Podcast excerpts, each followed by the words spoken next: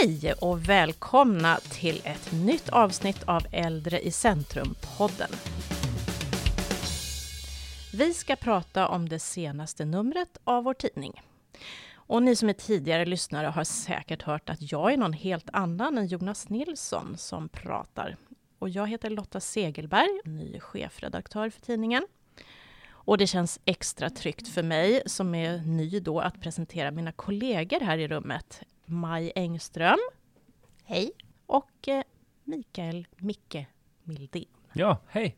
Ja, jag kanske ska presentera mig lite grann då. Jag har tidigare varit chefredaktör i Huddinge kommun för en invånartidning som heter Vårt Huddinge. Jag bor i Sköndal och är ägare till höns och katt. Och eh, närmast anhörig som är äldre till mig, det är min pappa. Men det var inte det vi skulle prata om idag, utan eh, har ni någon spaning sen senast? Ja, en eh, väldigt stor spaning som jag tror inte att någon har gått miste om är ju att det är valår. Och det är ju mm. alltid lika spännande. Och jag vet inte ifall det bara är jag, men det senaste, det här året så är det väldigt mycket fokus på pensionärer och pension. Håller med. Jag har verkligen, de är på hugget, pensionärsorganisationerna. Verkligen. Och då är, jag tycker det är väldigt spännande, för pensionärsorganisationerna, som du säger, de lobbar ju för en högre pension. Medan det sen kommer rapporter från till exempel Pensionsmyndigheten som då visar att ja, men, svenska pensionärer har ju väldigt god ekonomi. Till och med bättre än unga vuxna. Och därför kanske det inte finns incitament till att faktiskt höja pensionen. Och då har vi ju vissa politiska partier som är för att höja och vissa som är emot.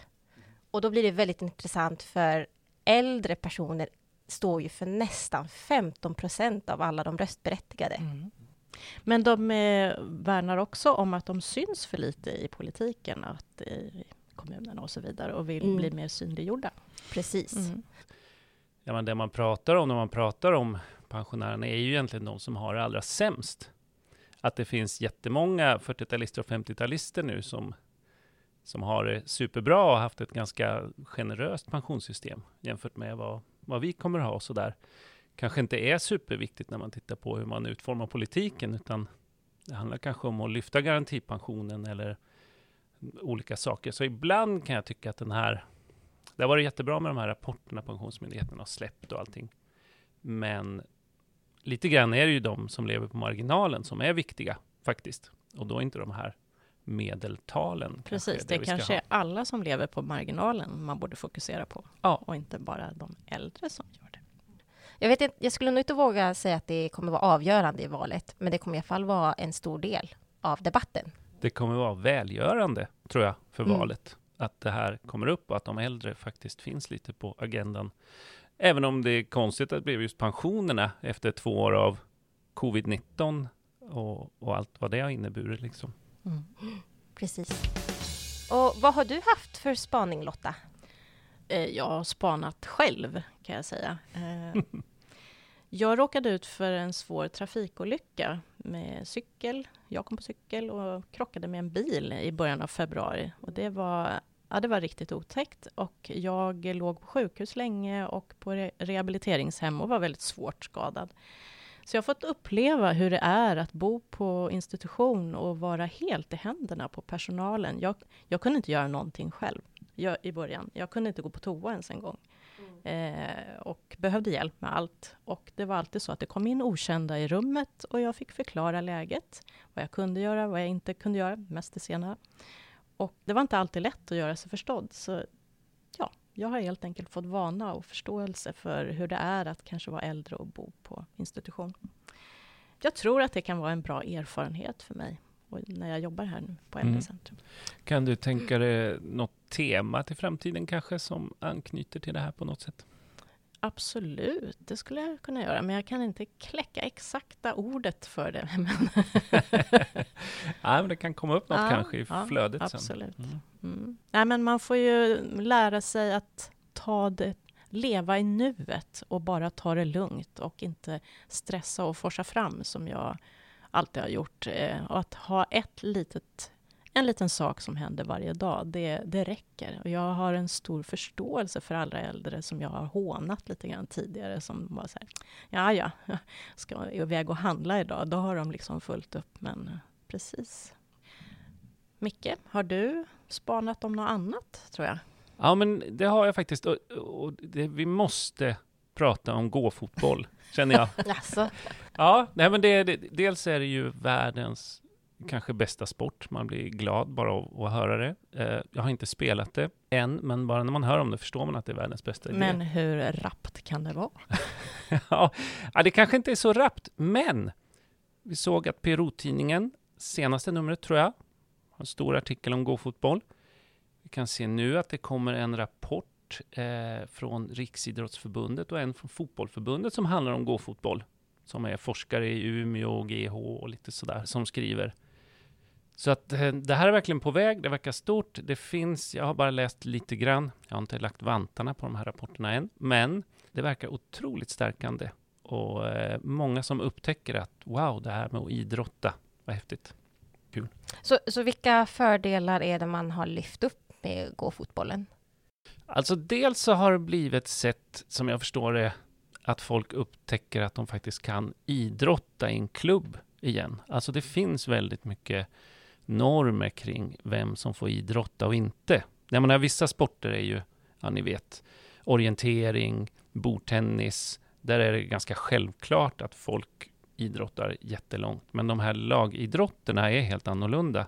Så där är det många som har dragits in och vissa som aldrig har idrottat förut. Och sen är det just det här, det är socialt, man rör på sig och man rör på sig rimligt mycket och man är utomhus. Ofta i alla fall är det det här anläggningar som står tomma hela dagarna, om det inte är skolor som, som utnyttjar dem. Och det görs ju väldigt bra för just de som är arbetsfria. Jo, alla har rätt att röra på sig. Så jag tänkte vi skulle säga. prata om en annan rätt. Mhm. Eh, kan du berätta lite, Micke, om temat för det nya numret av tidningen? Ja, temat är äldrerätt. Vad är det då?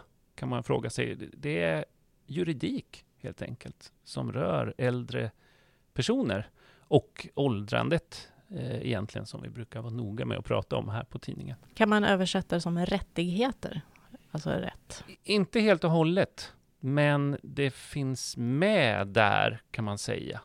Först och främst, det är ett ganska, i Sverige, ett ganska ungt eh, forskningsfält. Det har funnits mycket längre i USA av olika skäl då som främst är att man inte har samma välfärdssamhälle som vi har. Så att många har varit tvungna att, att se om liksom eh, sina dokument och allting eh, när de blir äldre. Men en del av det, så att det, det är mycket juridik här, här i Sverige och Europa så handlar det mycket mer om pensionssystemen, rättigheten att arbeta, olika regler och sånt kring vård och omsorg och sånt. Eh, men också mänskliga rättigheter som, alltså det, vi pratar liksom rätten att inte drabbas av ålderism då, till exempel. Så att det, det finns absolut med där. Vad har du gjort mer i det här numret? Berätta, Micke. Ja, jag har gjort det som jag brukar göra kan man säga. Jag eh, håller i lästipsen så att jag samlar ihop eh, poddar, filmer och, och rapporter och så. Och där har det varit två saker som står ut. Eh, två filmer som är väldigt fina som ligger på SVT Play som vi har tipsat om.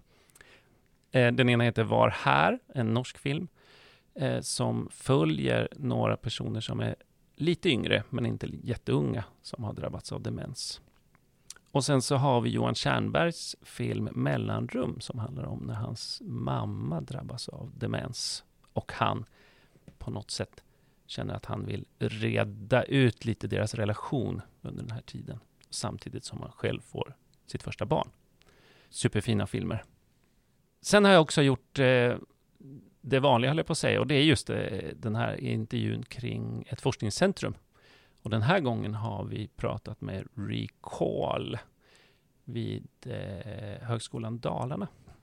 Det är alltid jätte, jätteintressant att höra hur de organiserar sig och så. Det är en liten högskola, det har vi pratat ganska mycket om. Jag har pratat med Kevin McKee där och de har ju lyckats väldigt bra just med sin äldreforskning. Man ser den ofta. Som e-, ett känt namn som vi verkligen känner till är ju Lena Dahlberg då, som var, hon var faktiskt här eh, i vår premiärpodd för ett par år sedan och pratade, hon forskar ju om, om ensamhet och är liksom en av de stora experterna eh, kring det. Spännande. Jag har faktiskt missat att lyssna på första podden. Det får jag genast göra. Det måste du göra. Ja. Man kan höra en del utveckling kanske där också. Men eh, det är ett jätteintressant eh, ämne eh, och ett väldigt bra avsnitt faktiskt. Och, och de är, förutom att de har liksom lyckats med det här med att lyfta äldre forskningen så, så är de också väldigt duktiga på att samarbeta med kommunerna och regionen i Dalarna. Så, och det är liksom en av deras liksom, stora styrkor också som de lever mycket på. Det där är många som kanske är avundsjuka på. Det är inte alltid man får till den där.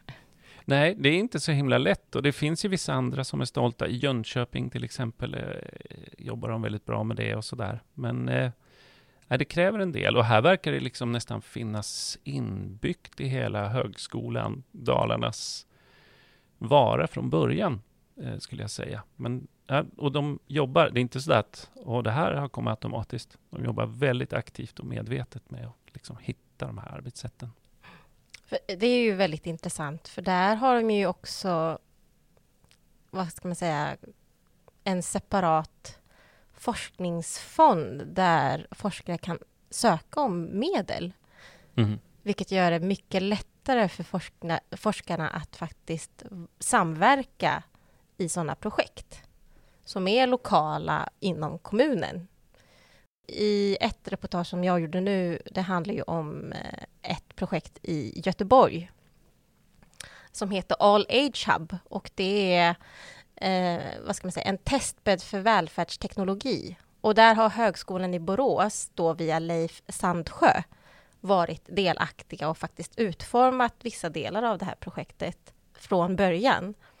Men sen har forskarna varit tvungna att lägga av allt mer och mer för att de inte får medel för det här projektet då från till exempel Forskningsrådet eller från Formas och då har forskningen fått kliva åt sidan. Okej. I Dalarna var det så att då sökte de pengar ifrån kommun och region, eller hur funkade det?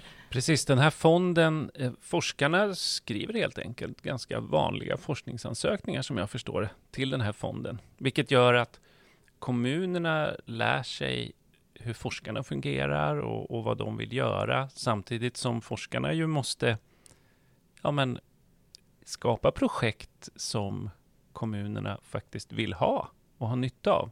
Så att det, det bara det här ansökningsförfarandet tror jag eh, är, är jättelyckat. Smart sätt att göra rätt saker, verkligen. Mm. Ja, verkligen. Det tror jag att de eftersöker i Göteborg just nu. Inom All Age projektet i alla fall. Maj, berätta mer om vad du har gjort den här gången. Ja, jag har ju pratat lite om eh, All Age-projektet och då fick jag åka ner till Göteborg. Eh, en stad som jag har varit i två gånger tidigare för kanske 15 år sedan och då med anknytning till Liseberg. Så den här gången så var jag tvungen att ta mig ut och faktiskt ta mig till Härryda kommun. Och vilket var supertrevligt, för det här reportaget handlar lite om eh, forskningsprojekt i liten skala och faktiskt i verksamheter i kommunerna. Um, och sen har jag också haft äran att prata med två stycken forskare. Och det, då var ju den seniora forskaren Lena Rosenberg på KI som är arbetsterapeut och som har forskat väldigt mycket kring användning av vardagsteknik och inkludering i samhället generellt då för äldre personer. Hon berättade en väldigt fin grej om att när hon var på, på postkontoret under 90-talet, redan då funderade hon lite på det här med inkludering av äldre personer, för då kunde de ringa till postkontoret och ställa några frågor och då fick de svaret, ja men det kan du köra via vår automatiserade växel. Så ring igen och tryck på växeln helt enkelt. Vet våra yngre lyssnare vad postkontoret är? Nej, men det får de googla ifall de inte vet. Precis. Ja, det finns. Exakt, så testa att googla. Eh, men redan då funderade hon lite på det här, men hur ska det gå egentligen när världen blir allt mer digitaliserad och så har vi personer som inte alltid kommer hänga med. Och det är inte bara de äldre generationerna idag, utan i framtiden så kommer ju även min generation, era generationer, ha teknik som inte är jättelättillgänglig att ta åt sig. Och det är liksom hela hennes grej. Och kul att lyfta arbetsterapeuternas arbete med en arbetsterapiprofessor till och med. Verkligen. Mm. Nu har hon gått över till att vara professor på Jönköping University till hösten. Och sen har jag också intervjuat doktoranden eh, Anna Mayer som disputerade med en väldigt intressant avhandling om medellivslängd, höftfrakturer och olika sjukdomstillstånd. Och då var ju den stora frågan, vi blir ju allt äldre, medellivslängden ökar. Men hur ser de här extra åren ut? Är det friska år eller är det sjukdomsår och skiljer det sig mellan olika sjukdomstillstånd? Ja, och får vi svaret då i den här artikeln, eller? Ja, det finns vissa som hamnar på efterkälken och då är ju personer med höftfrakturer till exempel en av dem. De har faktiskt fortfarande hög risk att dö efter en höftfraktur. Eh, men det kan också bero på att de som får höftfraktur är skörare. Och de lever längre innan de får en höftfraktur och så vidare. Så det är, som ni hör, otroligt komplext. Man vet ju inte riktigt vad är hönan eller ägget i det här. Men, men det var superintressant. Och sen så har jag också som vanligt haft avhandlingslistan på mitt bord. Och då är det ju bara aktuella avhandlingar inom äldre och åldrandeområdet. Och vad har du gjort Lotta till det här numret?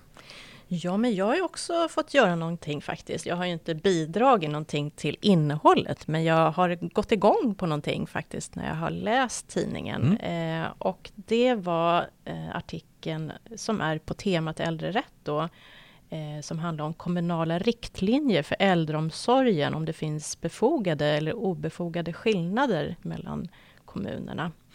Eh, Och det är Sara Wittberg som är, har, hon har varit biståndshandläggare för äldreomsorgen tidigare och är en doktorand i socialt arbete vid Linköpings universitet. Vet ni hur många riktlinjer det finns för äldreomsorgen? Vill du ta en första gissning? Ja, jag kan göra det, men det lär ju finnas minst 250 i alla fall, va? Ja, 274, alltså nästan lika många som det finns kommuner. Eh, och det är ju kanske svårt att följa de här riktlinjerna på bra sätt. Eh, visserligen bör de väl vara anpassade efter varje kommun, men det här har i alla fall eh, hon tittat närmare på, Sara Wittberg. Eh, och eh, det är upp till varje kommun att tolka socialtjänstlagen och säkerställa att alla behandlas på ett likvärdigt sätt i Sverige. Men frågan är ju om det går att göra det. Och till saken hör att det saknas helt en måttstock för hur låg levnadsstandard eh, de äldre har. Om man till exempel jämför med försörjningsstöd eh, så finns det ju en riksnorm, men det finns alltså inte för äldre och därför kan det se väldigt olika ut. Och Sara Wittberg hon har kartlagt då alla kommuners riktlinjer och sett att det är väldigt stora skillnader. Och det leder till att det är svårt för handläggarna att göra rätt. Ibland eh, blir det motstridigt helt enkelt mot vad som står i kommunens riktlinje och vad som står i socialtjänstlagen. Och ofta är det de anhöriga som eh, drabbas och får ta ett stort ansvar för de äldre. Just det, för det, det studsar man ju till lite på i den här artikeln att eh, det är inte alltid som kommunerna har tolkat lagen rätt när de har skrivit de här riktlinjerna och det, vissa riktlinjer verkar ju föråldrade och, och sådär. Eh, Kan det här bli en het valfråga? Tro? Nej, det kanske är för tidigt. Alltså i viss mån så är ju jämlikheten inom vården Mm. och omsorgen en het eh, fråga och det, hela den här diskussionen kring förstatligande på olika sätt. Nu har ju det rört vården på sistone, men också hur många regioner ska vi egentligen ha och så vidare. Så den, det är ju på något sätt en levande fråga. Eh, Micke, vad eh, läste du först i tidningen? Alltså jag började här med, eh, vi har ju en debattartikel den här gången. Eh, och det är inte varje gång vi har, ibland har vi någon kommentar eller så. Eller, men det, det här är verkligen debatt. Eh, och det är Marcel Balin eh, från Umeå universitet som har skrivit. Han har nämligen blivit lite sur. Och, det, och det är faktiskt när han har läst Anders Hansen. Hans Mhm. kritik gäller väl inte bara Anders då, men, men han har studsat lite för att han tycker att det är visserligen många vällovliga sådär eh, levnadsråd som många forskare sprider omkring sig eh, på olika sätt. Ja, men man ska gå upp för trapporna och man ska göra det ena med det andra. Eh, men då har det här, då, då har det liksom kommit någon slags sanning att ja, men om du rör dig varje dag, det är liksom det, medicinen mot demenssjukdom finns ju redan där ute. Du behöver liksom en halvtimmes promenad om dagen. Det kommer räcka väldigt, väldigt långt. Men någon slags sanning borde det väl ligga bakom det här, eller? Det finns ett korn av sanning, eh, kan jag säga. Och, jag kan till och med ge en procentsats, eh, faktiskt. Om, om man är lite sådär. För att det är... Forskningen idag eh, har ungefär den samlade åsikten att 40 procent av demenssjukdomsfallen skulle gå att förebygga med olika livsstilsinterventioner, kan man säga. Eh, och som forskningen sen då har benat upp det här så är 1,6 procentenheter Oj, av de här tillhör fysisk aktivitet. Va, vad är de andra? Ja, men det är ju olika saker som eh, social interaktion, att hålla hjärnan igång, eh, att eh, ja, men, kanske alkohol, dåliga matvanor och den typen av eh, livsstilsfaktorer. Sudoku och grönsaker alltså. Det är Det är plus grejen. motion, då Ja, kanske ja, det- ja. Jag skulle väl kanske återkomma till gåfotboll där. Då får man mycket Såklart. socialt och mycket... Ja, men det är ju det perfekta. Och så äter man en god lunch tillsammans efter. Precis. Nyttig också. Men en mycket läsvärd debattartikel. Eh, så, och det vore ju väldigt kul om, om eh, ja, men våra lyssnare här och tidningens läsare vill liksom antingen fylla i det han säger eller kanske hugga emot lite. Eh, Absolut, ni är välkomna att höra av er. Mm. Men egentligen är det väl ganska logiskt. Det finns ju ingen quick fix på någonting. Man kan inte banta och bara sluta äta. Eller, jag menar, eller hur? Ja, Eller- Alltid precis. så här, att det är hela livsstilen som påverkar hur det blir. Ja. Maj, vad har du att berätta? Jo, det är så att eh, hela den här våren har jag sett en hel del recensioner om en särskild bok som har släppts. Nämligen Ylva Floremans bok Jag är inte död, jag är bara gammal. Och det är ju en essä som handlar om hur hon ser sitt åldrande och jämför det med sina föräldrars åldrande och hur samhället påverkar äldreomsorgen och så vidare och så vidare. Och då har Lennart Johansson, som har medverkat i tidningen vid ett flertal gånger nu, gjort en recension kring det här. Och han är då docent i gerontologi vid Jönköping University och även senior rådgivare på stiftelsen Stockholms läns äldrecentrum. Och han tar den här essäliknande boken och sätter in den i samhälleliga sammanhang. Så han liksom förklarar vilka förändringar som har skett inom till exempel äldreomsorgen som hon nämner då i essäliknande form. Och det tycker jag är superbra för den som både vill ha det här personliga och sen få kontexten då från samhället av Lennart erfarenheter helt enkelt och kunskap. Så den, den hoppar jag rakt in. Missa varken boken eller recensionen med andra ord. Eller hur? Och, och Lennart skriver ju också att det vore inte helt fel om eh, studenter kan läsa den här boken. Eh, därför att den skapar en förståelse hur det faktiskt är att vara där på andra sidan. Maj, eh, vill du fortsätta? Vad, vad, tar du med dig från det här numret då, förutom den här spännande recensionen? Ja, oftast när vi kör den här podden så får man ju nämna en artikel var, eller en grej var. Men jag tänker göra en kupp. Nej. Jag tänker köra två saker. Jaså. Ska vi gå med på det? Ja. Alltså, det är jag som sitter vid redigeringsbordet. Så. Det är jag som har det sista ordet här. Eh, nej, för jag tänker så här att eh, det finns två artiklar i det här numret som jag verkligen kommer ta med mig. Och det ena är en Spotlight-artikel skriven av Hanna McInnes som numera är doktor. Hon har precis eh, disputerat.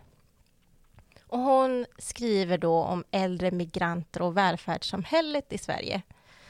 Det är ju till exempel utsatthet för de som är äldre migranter. Det är liksom större risk för fattigdom, eh, större social exkludering och eh, att det är svårare att komma in på arbetsmarknaden och sen faktiskt så har hon undersökt eh, utnyttjandet av äldreomsorgen mellan inrikesfödda och utrikesfödda.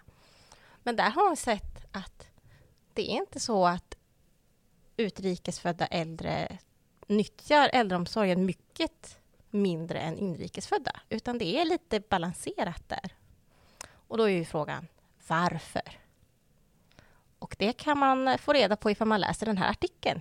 Mm. Mer än så tänker jag inte jag säga. Ja. Precis. Ja, men det här är ett jättespännande ämne med tanke på hur många det är som har kommit under en lång tid och som nu är på väg in i och blir äldre generationen. Mm. Ja, precis. Och, och hon skriver ju där också att de ekonomiska systemen är inte jättebra på omfördelning här. Nej. Därför att kommer man hit ganska sent så har man ju inte hunnit jobba ihop pension och det här. Mm. Men att omsorgssystemen är då relativt bra på det. Att där får man sin hjälp på ett annat sätt och, och tar hjälp, handlar det väl mycket om. Ja, precis. Och det är någonting som hon verkligen betonar. Att det kanske behöver, man behöver kanske se över regelverken, hur det fungerar där. Mm. Men sen så ska jag också ta med mig ett av våra samarbetsuppslag. Och det här är ju från ARK, Aging Research Center på Karolinska institutet som eh, har ett uppslag om eh, risken att dö när ens partner har gått bort. Och då har man tittat på olika utbildningsnivåer. Och då är det Johan Renberg och Olof Östergren som har genomfört en studie på det här och kollat på hur är det då när, en, när man är, uh, har en hög utbildning och sen så går ens partner bort. Och oftast generellt sett så har man ju sett att de som har högre utbildning, de dör senare. De har en mindre risk att dö i förtid. Um, men när det är så att ens partner går bort om man har en hög utbildning, då är faktiskt risken att dö ganska snart därefter högre bland de som har en hög utbildning. Fast det kanske är ganska logiskt, för de är ju redan gamla då, många av dem. Eller? Exakt! Och det är också det här med eh, hur svårt och komplext med studier det är. Att vad är det som faktiskt ligger bakom? Men det kommer jag också ta med mig, att det var någonting som jag inte hade förväntat mig. Är det någon skillnad också på hur vanligt det är bland äldre som bor ihop? Alltså är det vanligare att man fortsätter livet ut tillsammans? Har de tittat någonting på det? Att man har levt med samma partner under hela livet och att det skiljer sig mellan olika samhällsklasser? Det kanske man inte har tittat på? Det framgick inte i uppslaget i alla fall. Men det skulle ju kunna vara en grej ifall man hittar en ny partner till exempel. Vad som då gäller. Ja, hur nära knuten man är till den eller inte. Mm. Okej, Micke, har du något att berätta om det? Ja, alltså jag hade ju en speciell artikel som slog an lite hos mig och det är Åsa Hedberg eh, Rundgren som är eh, som skriver sista ordet i tidningen. Hon är direktör på, på stiftelsen Äldrecentrum då. Hon har skrivit om sin mamma eh, faktiskt som har eh, som är kring 90 år någonstans eh, och blev sjuk och eh, så hamnar de hos en, en läkare som eh, ställde henne inför någon typ av valsituation där kring hur man skulle göra med behandling och vilken behandling man skulle välja. Eh, och det där blev inte så bra, kan man säga. Eh, Vad var det som gick fel? nej, men det blev... Alltså det är en väldigt utsatt situation. Du får liksom en, en diagnos och sen så har du en läkare som säger att ja, nej, men det här är ingen idé att göra. Utan det här är det du ska göra, annars finns det inget, Mm. inget val. Och sådär. Men eh, i slutändan så visade det sig att det, det fanns ett val. Om man fick fundera lite och om man kom in lite i det.